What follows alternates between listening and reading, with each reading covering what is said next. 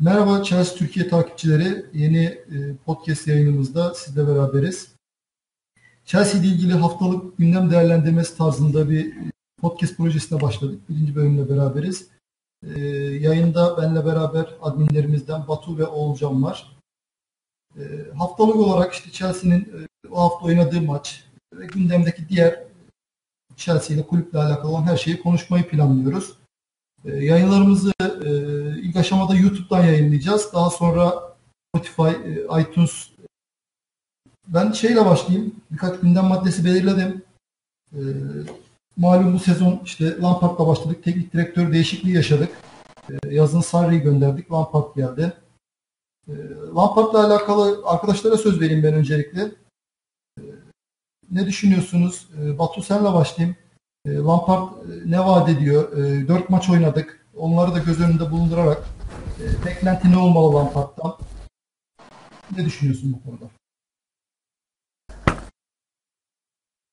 Ya öncelikle e, Lampard'a Lampard'la ilgili söyleyeceklerim genç bir hoca. Biraz tecrübesiz. Sadece bir yıllık bir teknik direktörlük kariyeri geçirdi. O da Championship'te. Hani onun dışında oyun sistem olarak Ofansif olarak çok iyiyiz. Baskılı oynuyoruz. Defansta çok sıkıntılarımız var. Bu zaten Sarri'de de vardı. Conte döneminde pek yoktu ama Conte'nin sistemiyle alakalı bir şeydi. Sarri'de ve Lampard'da bu bayağı göze çarpıyor. Lampard'la ilgili en önemli şey bence gençlere çok şans veriyor. Çünkü Chelsea dönemindeki hiçbir teknik direktör bu kadar gençlere çok şans vermemişti. Evet, Chelsea öyle bir şey vardı. Ben de katılıyorum buna. Yıllardır aslında Chelsea'nin birçok genç oyuncusu var elinde ama Chelsea bu genç oyuncuların değerlendirememesiyle meşhur bir kulüptü yani. O hale gelmiş biraz. Lampard bunu döndürecek gibi.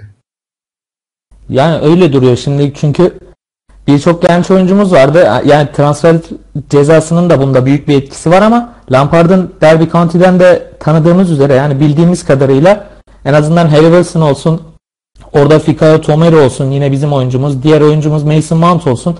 Özellikle gençler üzerinden bir oyun kurmuşluğu var. Bunu Chelsea'ye de getirdi.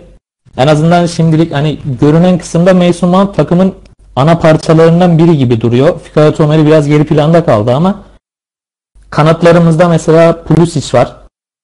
İyileştiği zaman muhtemelen diğer kanatları geçecek. Forvetimiz Temi Abraham. Lampard bunu zaten bugün söyledi bugün yaptığı basın toplantısında söylemişti. Çünkü o hak ediyor. Formayı giymeyi diğerlerine göre daha çok hak ediyor demişti Tammy Abraham hakkında. Geri kısımda da yani defanslarımız elimizde başka olmadığı için mecburen yine 23-25 yaşındaki genç defanslarımız oynuyor. Yani gençlere gömülmesi güzel. En azından hani iyi bir şekilde bitirebilirsek sezonu önümüzdeki sene için satabiliriz en azından. Elimizde bir para da gelmiş olur. Böyle ilerlememiz bence çok iyi. Akademideki oyuncuların değerini yeni yeni anlıyoruz. Sen ne diyorsun Olcan? Lampard'la alakalı beklentin ne? Ee, ben biraz daha bu olumsuz yaklaşacağım çünkü e, aslında Batu önünde dediği gibi e, bir senelik bir geçmişi var ve sezon içinde özellikle Premier Lig'de birlikte sezon içindeki e, yaşayacağımız olaylar hakkında çok bir tecrübesi yok. Buna ee, bundan dolayı ben biraz da olumsuz yaklaşıyorum. Şu an bir hevesle e, işte yeni gelmiş olması, genç oyuncular oynatıyor olması biraz daha hani kulübün içen birinin birisi olduğu için bir hevesle şu an iyi başladılar ama sezon içindeki o yoğun tempoda 3 günde bir maç yapacağız vesaire. Şampiyonlar Ligi var. O yoğun tempodaki zorluklar hakkında nasıl aşacağını açıkçası e, bilmiyorum. E, bu konuda birazcık kararım. Yani şu an başlangıçtaki hevesimiz takımın hevesi o gençlik hevesi azalınca işler ciddiye binince yani sezon ortaları doğru gelince nasıl reaksiyon alacağız? Bu konuda birazcık şüphelerim var. Yani Lampard hakkındaki düşüncelerim bu yönden biraz daha tecrübeli bir teknik direktörü beklerdim açıkçası ama tabii ki de Lampard'tan mutluyuz. E, şöyle bir şey var. Ben şöyle bir şey düşünüyorum Lampard'la ilgili. Tabii ki teknik direktörlük tecrübesi olarak e, bayağı geride. Yani çok bir uzun bir teknik direktörlük kariyeri yok ama futbolcu olarak çok ekstrem bir kariyeri var. Yani İngiltere tarihinin en iyisi demek belki iddia olur ama en iyi e, futbolcularından e, meşhur o Chris e, City ile oynadığımız finalde işte bir oyundan çıktın çıkmadın mevzu olmuştu. Yine e, Arsenal'la kupası finali öncesi antrenmanda bir sorun olmuştu. Davut Luiz Hügeyin'di galiba değil mi? Yani medyada, e, yabancı basında bir ara Ancelotti'nin ismi geçti. Juventus'tan ayrılan Allegri'nin ismi geçti. Ama bu hocaların hepsi de geldiğinde belli bir bütçe ve transfer e, yani Lampard elindeki gençlerle en iyisini alırım ben diyecek birini bulamadı muhtemelen kulüp. Biraz öyle bir gerçeklikte var. Ee, şurada bir not düşmek isterim ama e, nasıl söyleyeyim bir Belçika kulübü veya başka bir ülke kulübü olmadığı için aslında daha kariyerli bir teknik direktörle anlaşılabilirdi aslında. Yani en azından bu sene için idare etmesi ve bir sonraki sene sözü verilmesiyle birlikte aslında e, şu an için Lampard'la beraberiz. Evet, bu şekilde devam edeceğiz bakalım. Lampard ne diyorsunuz peki? E, yani 4 maç oynadık bir sezon. bir hatırlatayım. Manchester maçıyla başladık sezonu Premier Lig'de. 4-0'lık bir farklı mağlubiyet, talihsiz bir maç oldu bizim için. Daha sonrasında Liverpool'la Süper Kupa finali oynadık İstanbul'da. Sonra e, Leicester'la e, bir beraberliğimiz var ve en son e, 3-2 biten Norwich maçı var. E, yani bayağı talihsiz maçtı. Yani çok iyi başladık, pozisyonlara girdik. E, reklamlarına toplarımız falan oldu ama e, 4-0 mağlup olduk sonucu olarak.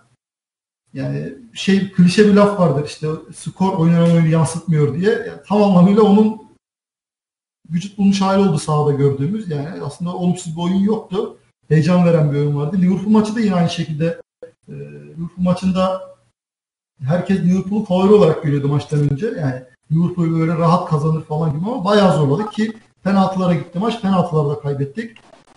İki tane pozisyonlar vardı. Liverpool'da tabii pozisyona girdi ama Chelsea de pozisyona girdi. Dengeli bir maçtı. Özellikle ilk yarısında Chelsea'nin daha önde olduğu bir maçtı. İkinci yarı Liverpool oynadı daha çok. E, sonrasında Leicester e, beraberliği ve en sonunda zevkli bir gol gollü bir Norwich maçı izledik. Bu maçlarla alakalı e, ne dersin Batu sana söz vereyim. Ya abi aslında öncelikle senin de dediğin gibi maçlarda elimize nazaran daha iyi oynayan taraf genelde biz oluyoruz. Ama sonuç ne yazık ki hiçbir şekilde bizden yana olmuyor. Gerek Liverpool'da gerek Manchester United'da ilk başlarda. Ama Leicester maçından sonra Norwich City biraz daha düşük bir takım diye bekliyorduk ama onlar da gerçekten çok iyi top oynadı. Orada biz de biraz sanki ilk o 2-3 maçtaki oynadığımız oyunu sergileyemedik gibime geldi. Yine kazandık ama o oyunu yine sergileyemedik. Hafiften bir düştü tempo. Ama genel olarak baktığımızda Lampard'la ofansif anlamda ben hiçbir şekilde sorun olacağını düşünmüyorum bu sene için. Özellikle Callum ve Ruben Loftus-Cheek döndüğü zaman hücum anlamında çok daha yaratıcı, çok daha skorer bir takım olacağımızı düşünüyorum ama defans hakkında böyle düşünmemiz imkansız gibi bir şey çünkü çok kötü. Aşırı derecede kötüyüz. Premier Lig'de bir ilk altı takımına hiçbir şekilde yakışmıyor. Belki de son üçlük bir performansı var defans tarafının takımımızın. Yani defans tarafını düzlersek ben ilk dördü zorlayacağımızı düşünüyorum. Onun dışında ilk altı bir ihtimal belki bir de kupa. Lig kupası olur, FA Cup olur bir şekilde. Ama defans başımıza çok iş atacak gibi duruyor bu sene. Sen ne diyorsun Olcan? İlk dört maç e, ne gösteriyor sence? İlk dört maç tabii gençlerin sizin dediğiniz gibi gençler çok umut vadeden bir en azından hücum anlamında performans sergiliyor ama ben daha kısa yorum yapacağım. Siz zaten söylediniz. Ee, transfer yasağının etkisini ilk dört maçta fazlaca gördük. Teknik direktörümüz e, oyunun zaman zaman kendimize temposunun düştüğü zamanlarda özellikle ikincilerde yedek kulübesinden e, gerekli müdahale yapamaması, gerek sakatlıklar gerek e, bildiğiniz üzere ceza e, suçları da oldu. Ama dediğimiz, dediğiniz, sizin de dediğiniz gibi hücumumuz umut vaat ediyor. E, transferlerle alakalı bir iki bir şey söylemek istiyorum. Giden oyuncular oldu, gelen oyuncular oldu. Yani transfer yasağımız vardı ama daha önceden anlaşması yapılan Pulisic e, takıma katıldı. Geçen sezon e, alınan oyuncu. Kovacic yine geçen sezon içerisinde kiralık geçirmişti. Bu sene servisi alındı. Takıma dahil oldu. Önceden yapılan anlaşma gereği. giden belli başlı oyuncular en önemlisi Hazard'ı kaybettik. E, Real Madrid'e gitti. Transferin son günü David Luiz gitti. Kiralık olan oyuncu Higuain tekrar İtalya'ya döndü ve e, Morata'yı da elden çıkardık diyeyim. Benim aklıma gelenler bunlar. E, ben transfer yasağı olmasına rağmen yine akıllıca hareket etti diye düşünüyorum Chelsea. Yani için özellikle geçen sezondan e, alınmış olması ki muhtemelen bu transfer yasağının geleceğini tahmin edebiliyordu kulüp önceden. Ona göre bir yatırım yaptı. Pulisic ve Kovacic takıma katılan oyuncularla alakalı ve gidenler e, yeri dolar mı, eksikliği hissedilir mi? Özellikle Hazard. E, bununla alakalı ne dersin Olcan? E, Hazard'ın eksikliği bir de e, hissedilir yani özellikle daha bugün de UEFA Avrupa Ligi'nin niye oyuncu ödülünü de aldı. E, ama bazen Hazard'dan ziyade David Luiz'in her ne kadar e, savunmadaki o hamlelerinde sıkıntı yaşasa da geriden oyun kurma açısından çok önemli bir isimdi. Gerek yerden gerek havadan uzun açısından. Ben en az Hazard kadar David Luiz'in e, de bizim için olumsuz anlamda olduğunu düşünüyorum gitmesinde. Kovacic için söylenebilecek aslında e, pek fazla bir şey yok. İhtiyacı olan bir oyuncu. Orta sahada iki yönlü. Güzel bir isim ama ben Pulisic konusunda bazı soru işaretlerim var. Çünkü zaman zaman e, kulübü Borussia Dortmund'da da yedek kaldığı zamanlar olmuştu. E, ve e, yüksek bir paraya da alındı aslında Pulisic. Hani o paraya madem o paralar o zaman verilebiliyordu belki daha spesifik, daha kaliteli en azından bir iki göm daha üstün bir isime yönelebilirdi. Mesela aynı kımdan Sancho gibi bir isim yönelebilirdi. Ama şu an için kadro planlaması aslında senin dediğin gibi abi fena değil. Güzel. Benim için böyle. Sen ne diyorsun Batı? Ya ben öncelikle konuya şuradan girmek istiyorum. Ya en önemlisi bence bizim için en önemli şey Morata'dan kurtulmuş olmamız. Yani o denli yüksek bir para verdik. O kadar beklenti içerisindeydik. 70 küsür maçta 20 küsür gol attı. Neredeyse 3 3 maçta bir gol falan Premier Lig forveti hiç değildi zaten izlediğimiz kadarıyla. Yani tabii ki Hazard'ın kaybetmek bizim için hani çok büyük bir şey. Takımın %50'si, %60'ı, %70'iydi belki Hazard. Onu kaybetmemiz gerçekten çok kötü oldu ama yerini Pulisic henüz dolduramayacak. Zaten doldurmasını da beklemeyiz. Bekleyemeyiz şimdilik. Çünkü henüz daha 20 yaşında. Ama Pulisic ve dediğim gibi ben Callum Hudson-Odoi'nin özellikle dönmesini bekliyorum. Callum Hudson-Odoi ve Pulisic ikilisi bence uzun yıllar Chelsea'nin kanatlarını oluşturacak ve Premier Lig'e damga vuracak bir ikili olarak görüyorum. Ee, Kovacic'e gelirsek aslında ben ilk başta cezamız var diye bir şey yaptım. Hani cezamız var diye onu bir alalım. Hani en azından cezamız varken bir orta sahada bir tane daha oyuncumuz olsun diye o fırsat olarak gördüm. İlk başta 45 milyon euro edeceğini hiç düşünmüyordum ama Premier Lig'deki şu son maçlardaki özellikle göstermiş olduğu performans hazırlık döneminde Lampard'ın altında özellikle orta sahalarımız zaten coşmuştu. Mason Mount olsun, Ross Barkley olsun, Kovacic olsun. Yani şu anda ben ederini buldu diye düşünüyorum şimdi tabii daha erken ama Yine de Kovacic bizim için güzel bir transfer oldu. David Luiz'e gelince sizin de dediğiniz gibi e, defans anlamda kötü bir oyuncuydu aslında. Ana özelliği olan defans anlamında kötü bir oyuncuydu ama özellikle sıkışan oyunlarda geriden oyun kurma özelliği çok işe yarıyordu. Geçtiğimiz sezon özellikle Sarri'nin takımında işe yarıyordu. Kötü bir kayıp oldu o da bizim için. Ya önümüzde artık Önümüzdeki yaz transfer dönemini bekleyeceğiz. Muhtemelen Kas'tan da herhangi bir haber çıkmayacak bizim için kış transfer dönemine kadar. Önümüzdeki yazı bekleyeceğiz. Zaten Hazard'dan şu anda artı 80 olarak artı 80 milyon kardayız. Onun üstüne yönetim mutlaka ekstra bütçe ayırıp önümüzdeki sezon artık Kolibali'dir, Icardi'dir bilmiyorum yıldızları toplamaya başlayacağız umarım. Bakalım bakalım. Kovacic ile alakalı e, sen tweet atmıştın galiba. Bir istatistik vardı bu geçen sezon bu sezon e, başarılı driplikle alakalı. Evet evet bu sezon Hazard'la aynı bölgede oynadı. Bu sezon e, orada e, daha çok topla daha fazla driplik yaptığıyla alakalı değil mi? Böyle bir istatistik vardı. Evet evet aslında geçen sezon internetten çoğu zaman okuduğum kadarıyla Hazard'la aynı bölgede oynadığı için hani Kovacic sol içte oynuyordu. Hazard sol kanat oynuyordu. Özellikle Hazard'ın o kanadı çok kullandığından dolayı hani Hazard sürekli topu kendi ayağına aldığından dolayı Kovacic'in pek fırsat olmuyor diye yazılıyordu. Bu sezon Kovacic şu ana kadar 11 dribbling denemesi var. 11'i de başarılı. Ya Arsenal'da Nicolas Pepe ile aynı 11 ikisi de 11 ama Nicolas Pepe 14 veya 19'da 11. İstatistik olarak şu anda bu. Chelsea'ye gelmeden önce de Kovacic'in zaten bir alamet farikası sana göre çok fazla başarılı dripling yapması yani topla beraber çıkabilmesi, top taşıyabilmesiydi. Hazard'ın biraz gerisinde kalmış gibi bu özelliği geçen sene. Ee, bir ikinci kaptan mevzu var. Geçen yine tweet atmıştık hesaptan. Ee, bir anket atmıştık. İkinci kaptan olsun. İşte malum daha önce e, aslında bizim birinci kaptanımız Geri Kahir'di ama pek forma şansı bulamıyordu. E, Aspilicueta oynadığı için o kaptan olarak çıkıyordu genelde maça. İkinci kaptan Aspilicueta'ydı. Geri Kahir'i gönderdik. Gitti. E, sözleşmesi sona erdiğine gitti. Yine bir takımın kaptanlarından e, David de e, olası kaptanlarından demeye takımdan ayrıldı transferin son günü. Şu anda pek e, takımda böyle bir lider oyuncu eksikliği veya işte zaten kaptanlar genelde liderlik görevini üstlenir. E, kaptan olabilecek lider oyuncu eksikliği var sanki. Sen kimi görüyorsun Olcan? Takımın yani Aspilicueta zaten kaptanımız şu an. Aspilicueta'dan sonra veya lider oyuncusu. İkisini de soruyorum. Kim olabilir sence? Buna göre başta Aspilicueta'ya bir e, not düşmek istiyorum. Onun gibi bir futbolcuya sahip olduğumuz için bence çok şanslıyız. Gerçek bir karakter, gerçek bir lider. E, onun dışında ben e, açıkçası takımda onun ona yaklaşacak bir oyuncu olduğunu düşünmüyorum. Onun gibi e, açıkçası sahaya ruh koyacak bir oyuncu olduğunu düşünmüyorum. Bence kaptan oyuncuların özelliği sahadaki yetenekleri kadar en az sahaya koyacağı yürek ve ruh da önemlidir. O takımı sahiplenmesi. Gerek e, rakip takıma karşı gerek hakeme karşı gerekse bence ki en önemlisi takımı toplama, bütünleme, onlarla konuşma yapma, onlara yardımcı olma.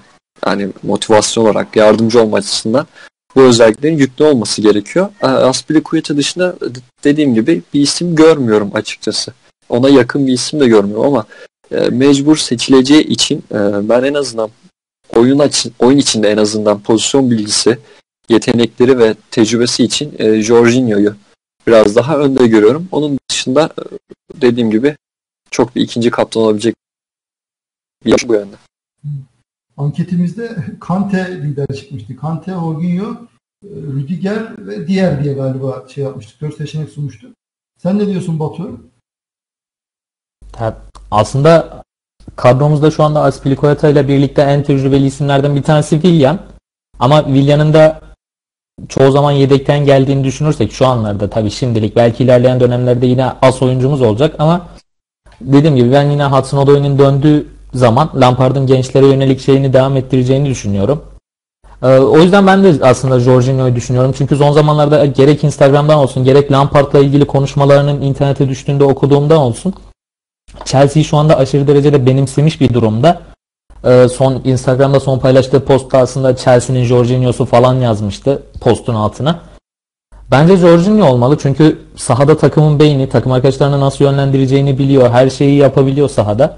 Ee, tek konu biraz olaylarda ne kadar cesur onu pek bir görmedik. Zaten herhangi bir büyük kavga veya gelmedi. Çünkü geçen Aslar'ın takımında hiç kırmızı kart yememiştik bildiğiniz üzere. 30-40 belki 50 küsur maçta. Yani bence de Jorginho olmalı ikinci tanımız.